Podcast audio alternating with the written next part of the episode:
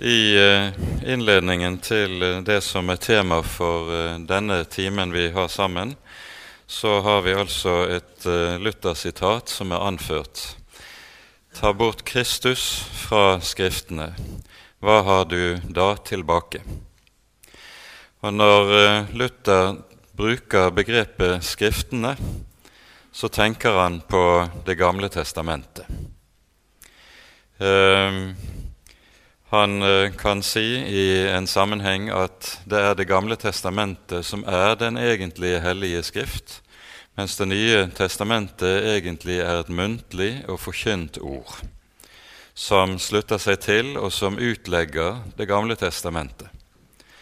Og Det er jo også et ganske talende faktum at uh, Luther et, gjennom sine 32 års virke som lærer i Den hellige skrift ved Universitetet i Wittenberg, så ble 28 av disse 32 år anvendt til forelesninger over gammeltestamentlige skrifter.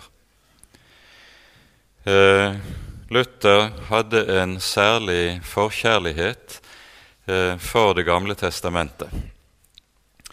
Og eh, jeg tror det er riktig å si at eh, Den kristne kirke med reformasjonen også kom til å få et nytt forhold til Det gamle testamentet. Rent historisk er det jo slik at eh, for den første kristne menighet så eksisterte det ikke noe Nytestamentet. Det var ganske enkelt slik at Det gamle testamentet var den hellige skrift som evangeliet ble forkynt ut fra. Og Apostlenes forkynnelse den hvilte i og sprang ut av Kristusvitnesbyrdet i Det gamle testamentet. Dette skal vi se nærmere på etter hvert, som uh, dere har uh, sett i uh, den lille korte ingressen til denne timen som vi skulle ha nå, så nevnes det blant, eller pekes det bl.a. på Lukasevangeliets 24. kapittel, der vi i Emmaus-beretningen hører om hvorledes Kristus åpner Skriftene for sine disipler. Og Dette er en tekst som Luther selv vender tilbake til ved en rekke anledninger, både i preken og i andre sammenhenger. For de første kristne var, eller representerte med andre ord Det gamle testamentet, ikke noe problem. Det var her man fant Kristus. Her var Kristus åpenbart og forkynt.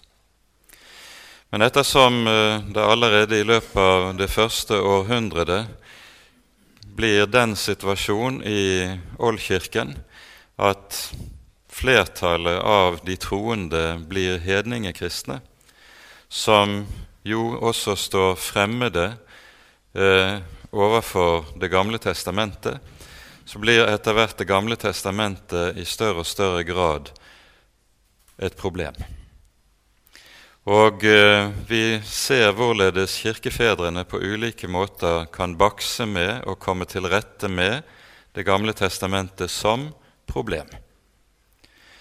Allerede i rundt år 140 møter vi det første og kanskje mest radikale uttrykket for dette problemet. Der det vranglæreren Markion dukker opp i Roma og han forkaster hele Det gamle testamentet som hellig skrift.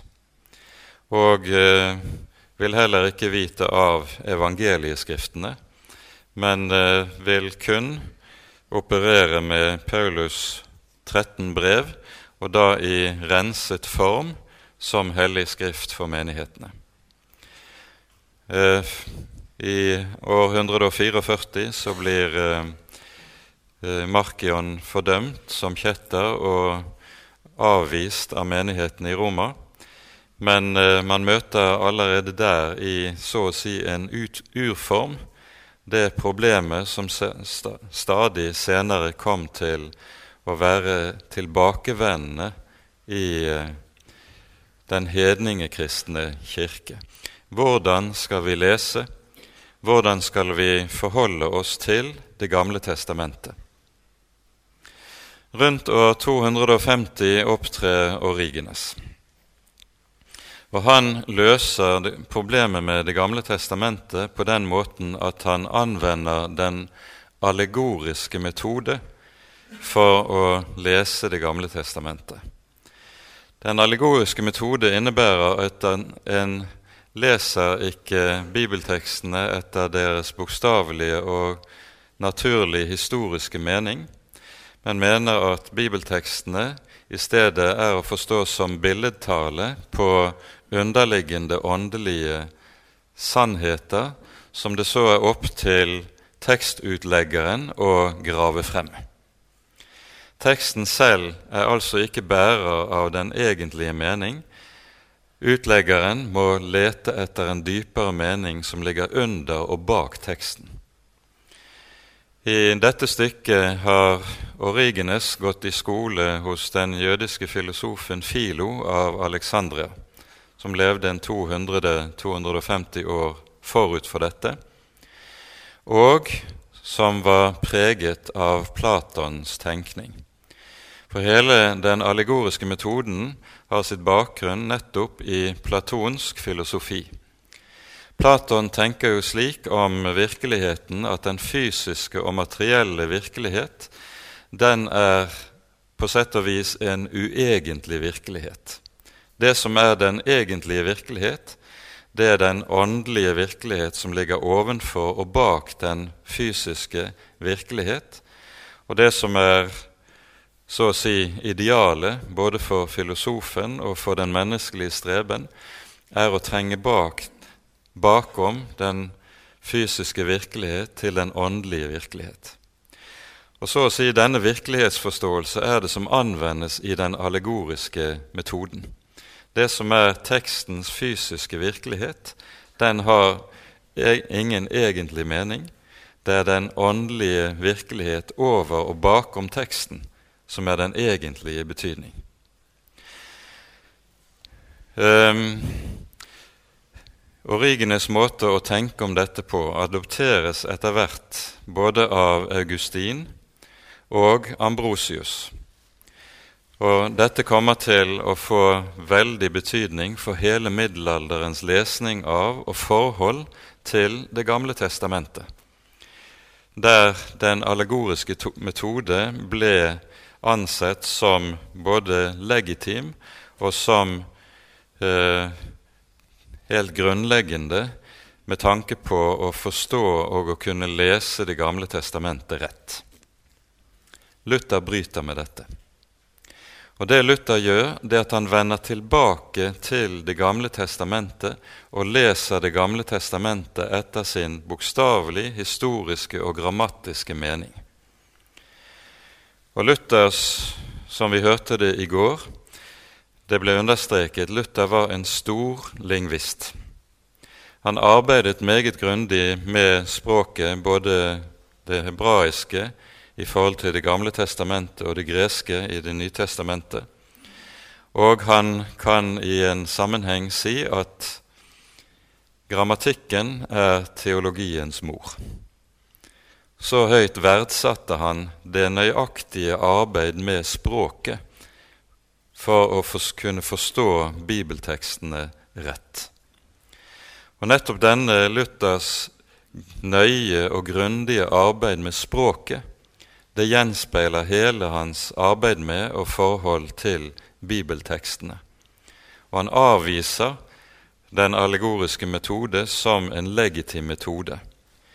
Den kan av og til anvendes, sier han, mer som en slags eh, pynt på, i skriftutleggelsen, men har ingen autoritativ betydning i utleggelsen av tekstene.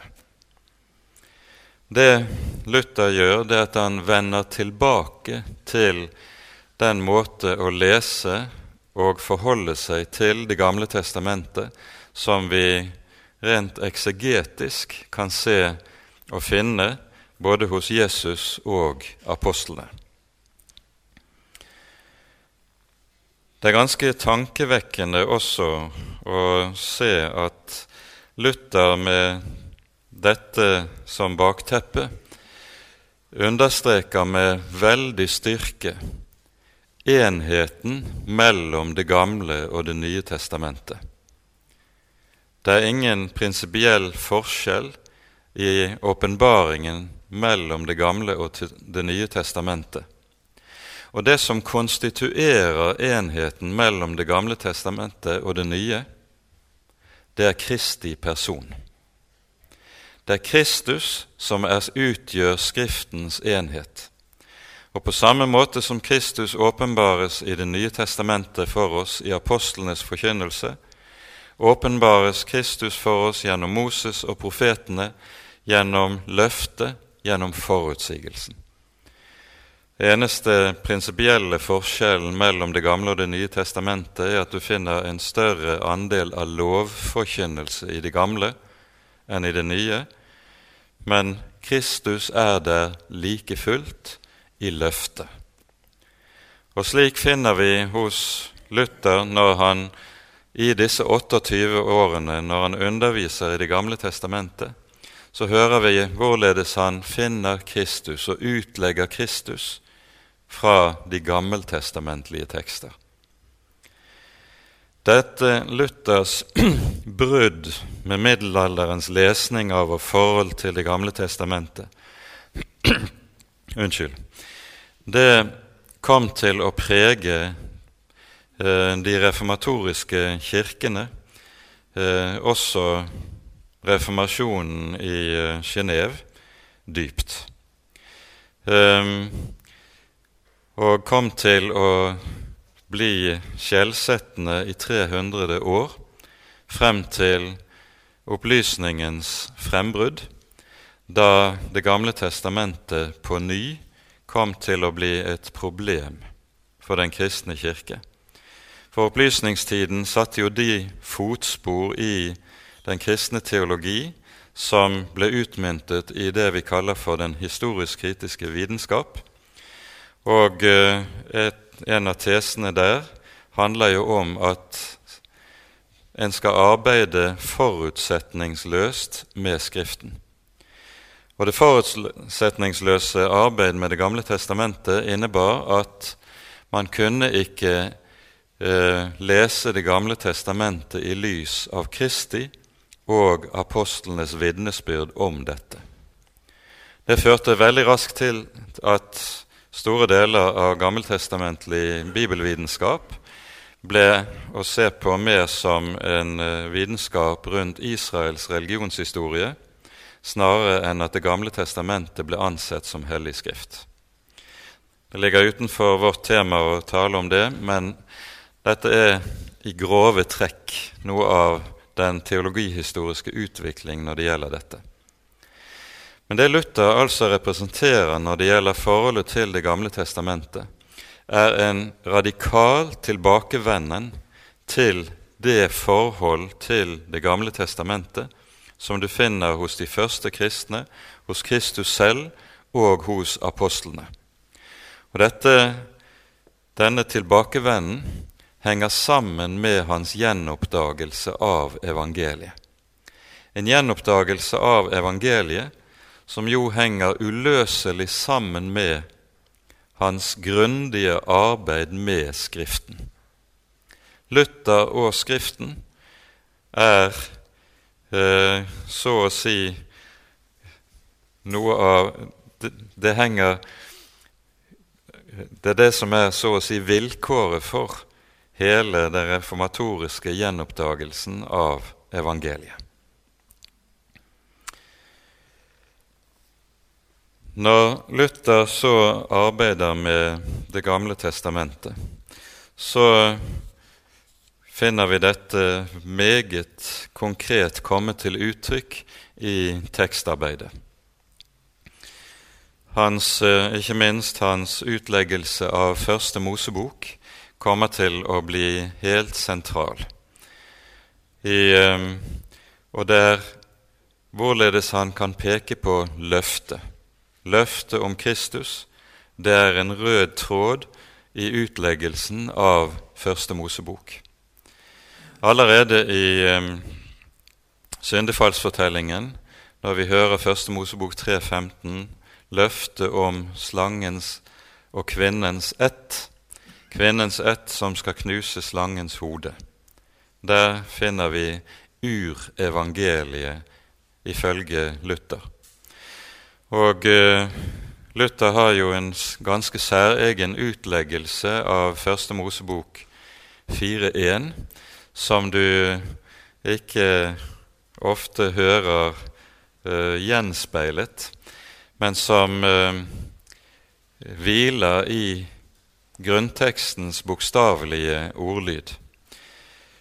I Første Mosebok 4.1 så står følgende at Adam holdt seg til, eller kjente sin hustru Eva, og hun ble med barn og fødte en sønn, Kain, og hun sa, Jeg har fått en mann. I våre bibler står det 'ved Herren'. I grunnteksten står det 'Jeg har fått en mann, nemlig Herren'.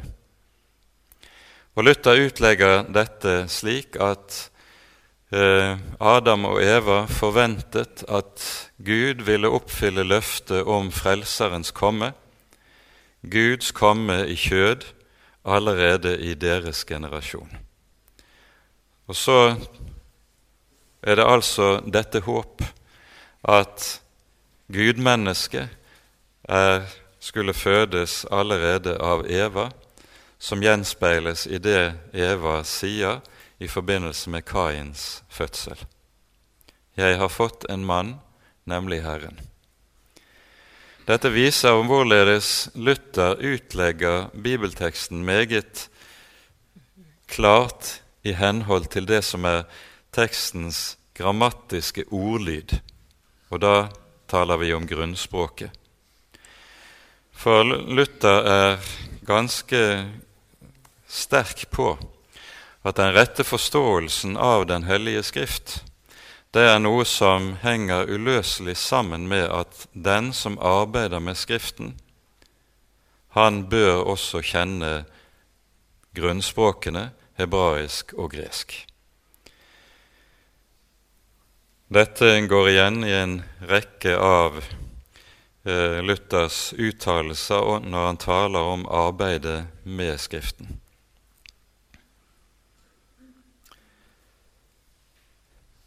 Det er også en annen sak som kan være vel verd å være oppmerksom på i denne sammenheng. Noe som Luther er inne på i, allerede i forordet til Romerbrevet i 1522.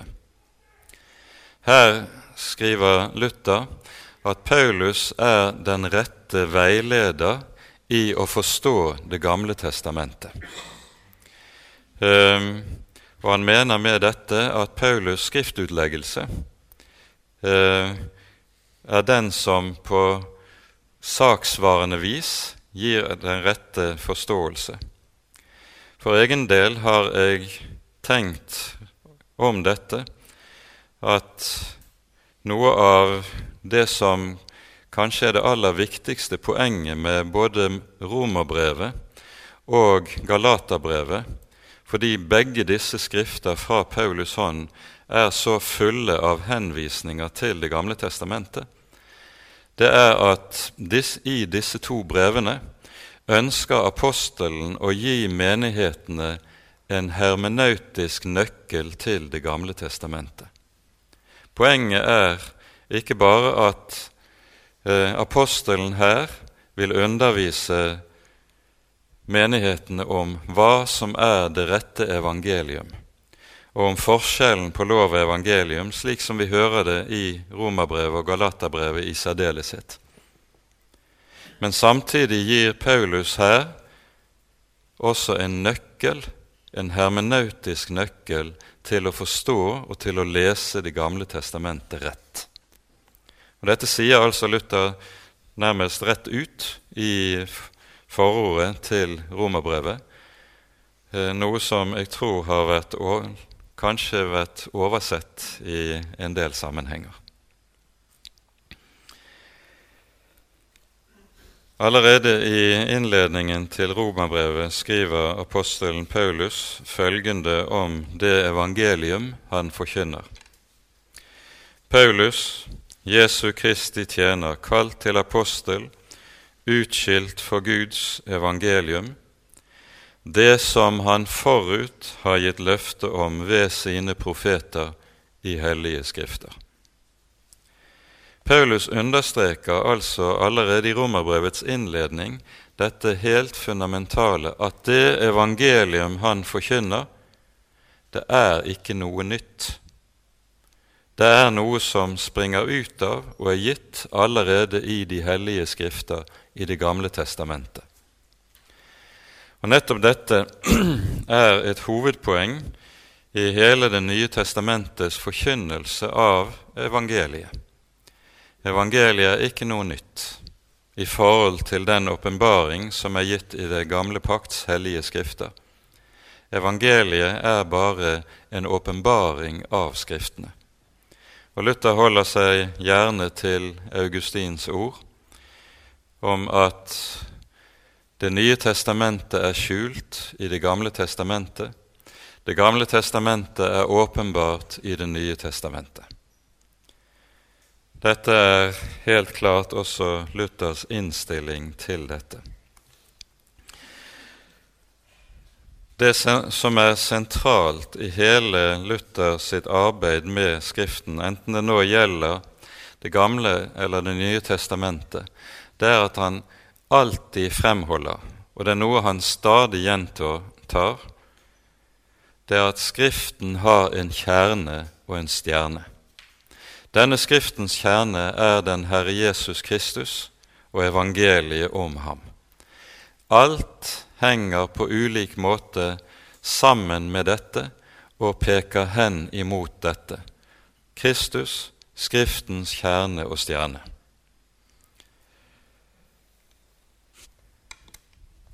Vi understreker på ny dette at når evangeliet forkynnes, så er det ikke noe nytt, slik som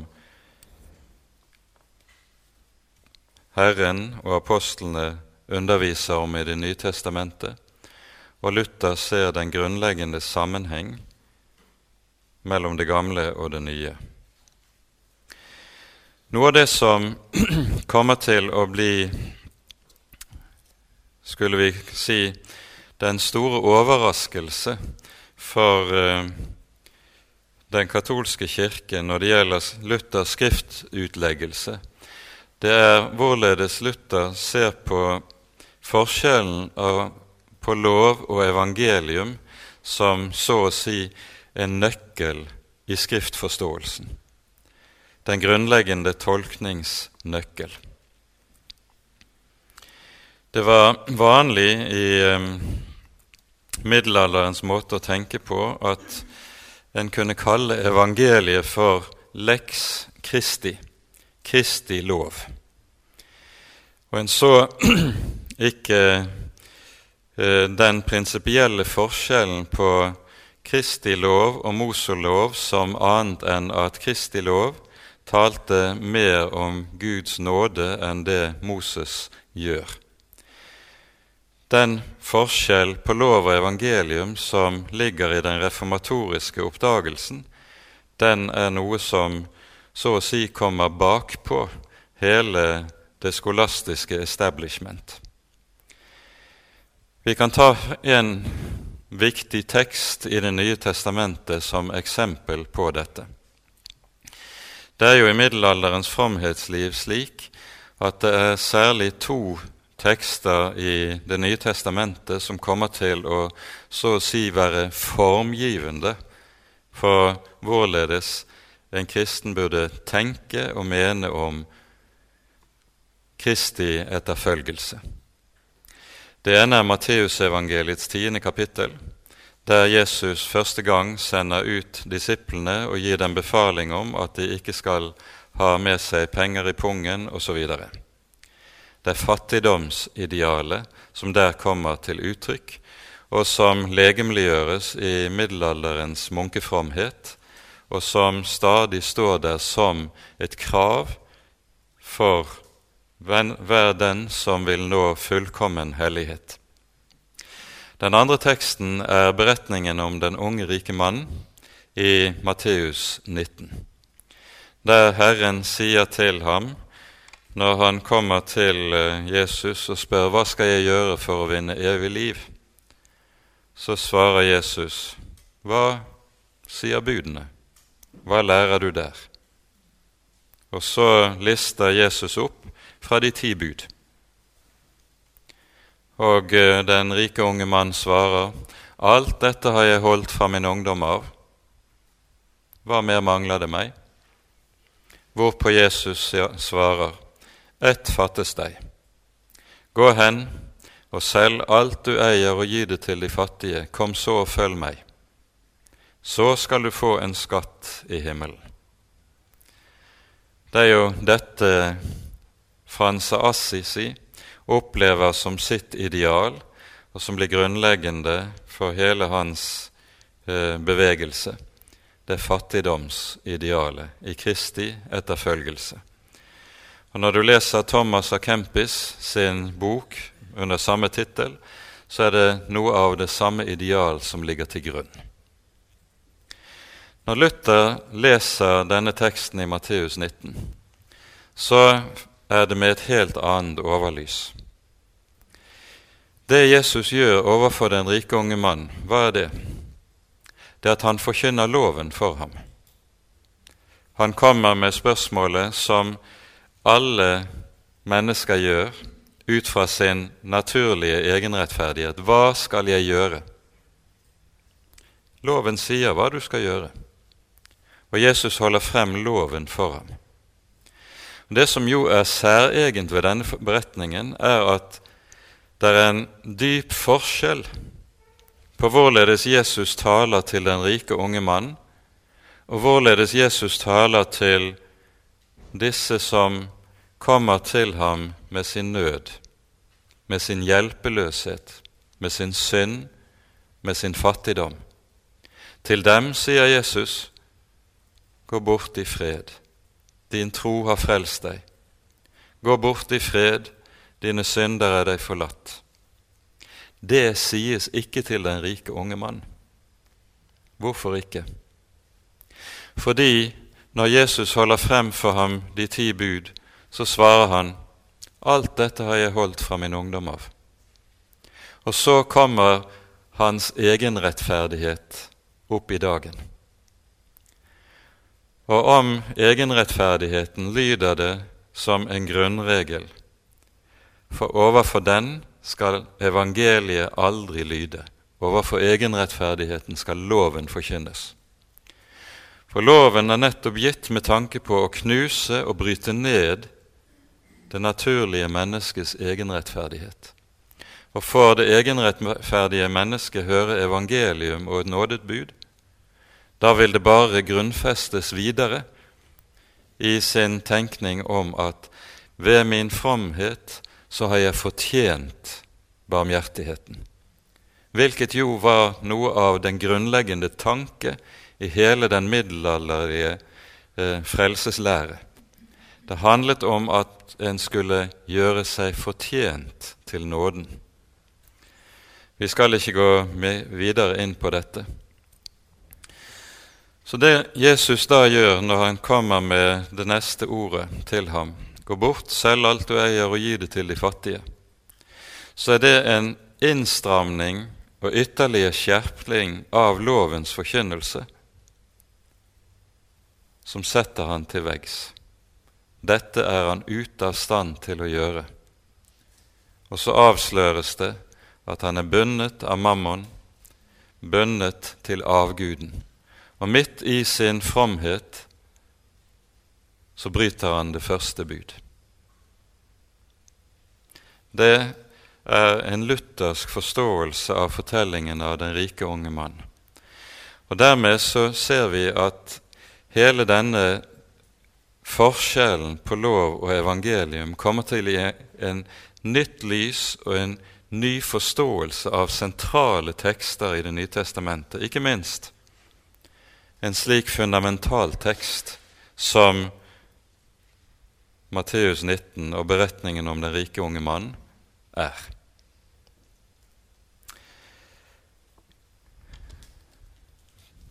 I eh, ingressen til dagens time så er det henvist til beretningen i Lukasevangeliets 24. kapittel, der vi hører om Emmaus-vandrerne.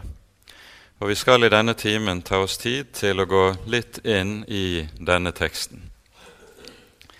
Vi leser fra Lukas 24, fra vers 13. Se, to av dem var samme dag på vei til en by som heter Emmaus og ligger 60 stadier fra Jerusalem. De talte med hverandre om alt dette som var skjedd, og det skjedde mens de samtalte og drøftet dette.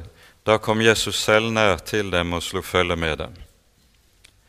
Men øynene deres ble holdt igjen, så de ikke kjente ham. Og han sa til dem, Hva er det dere går og samtaler om på veien? De sto stille og så bedrøvet opp. Den ene av dem, som heter Kleopas, sa til ham, Er du den eneste av dem som oppholder seg i Jerusalem, og ikke vet hva som er skjedd der i disse dager? Han sa til dem, Hva da? De sa til ham, Det med Jesus fra Nasaret, en mann som var profet, mektig i gjerning og ord for Gud og alt folket, hvorledes våre ypperste prester og rådsherrer overga ham til dødsdom og korsfestet ham. Vi håpet at han var den som skulle forløse Israel. Og nå er det allerede den tredje dagen siden disse ting skjedde. Men nå har noen av våre kvinner forferdet oss.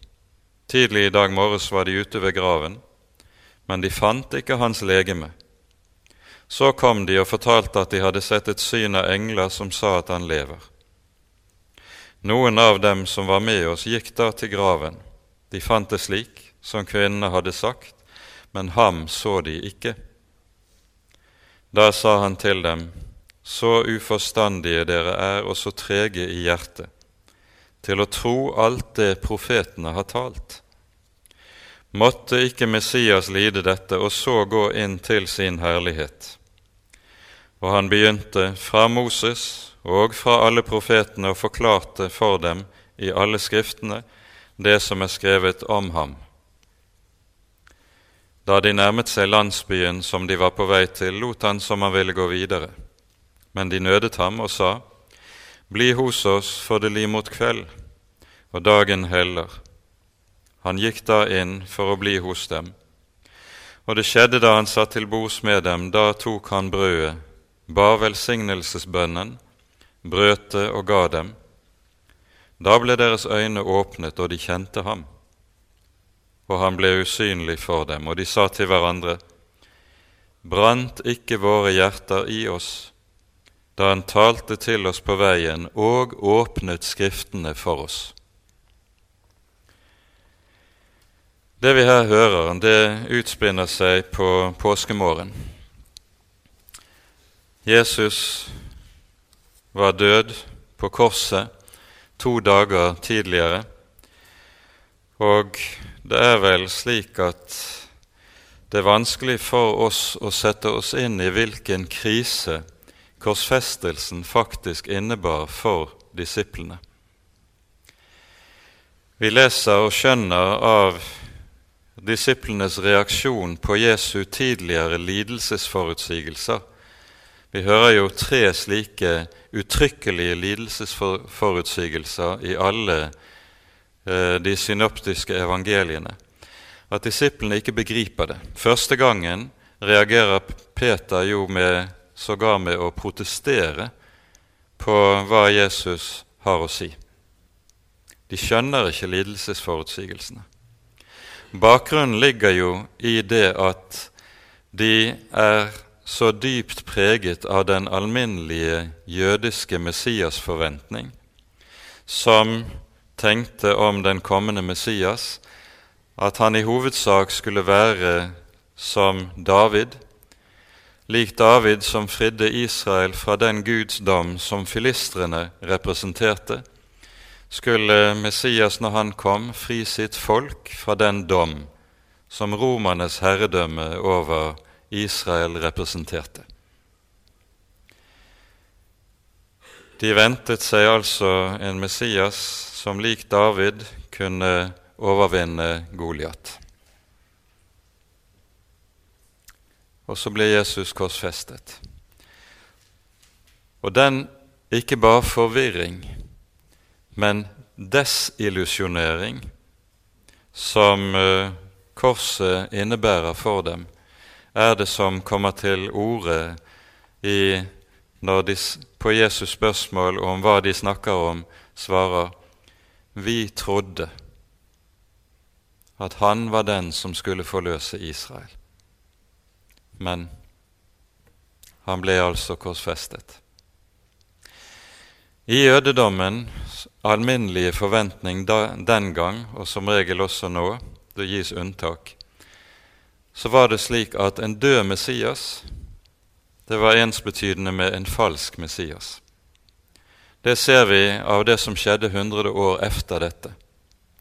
Da bryter det andre jødiske opprør ut mot romerne, anført av en mann som kalles Bar Korpa, stjernesønnen, og han utropes av sin samtids rabbinere til å være Israels Messias. Og i tro og tillit til dette slutter hele det jødiske folk opp om opprøret. Tre år etter at det bryter ut, knuses det i blod, og rabbinerne må si vi tok feil. Han var ikke Messias, for en død Messias er en falsk Messias. Det som da er viktig å merke seg, er Jesu respons på dette som disiplene kommer med når de setter ord på sin fortvilelse og sin forvirring. Han sier, 'Dere dårer og senhjertede til å tro alt det profetene har talt.' Hva er det Jesus da sier? Han sier Årsaken til at dere ikke forstår korset, ligger i at dere ikke forstår Det gamle testamentet. Hadde dere forstått vitnesbyrdet i Det gamle testamentet, da hadde dere skjønt korsets hemmelighet. Det er det som er nøkkelen i det Jesus her sier.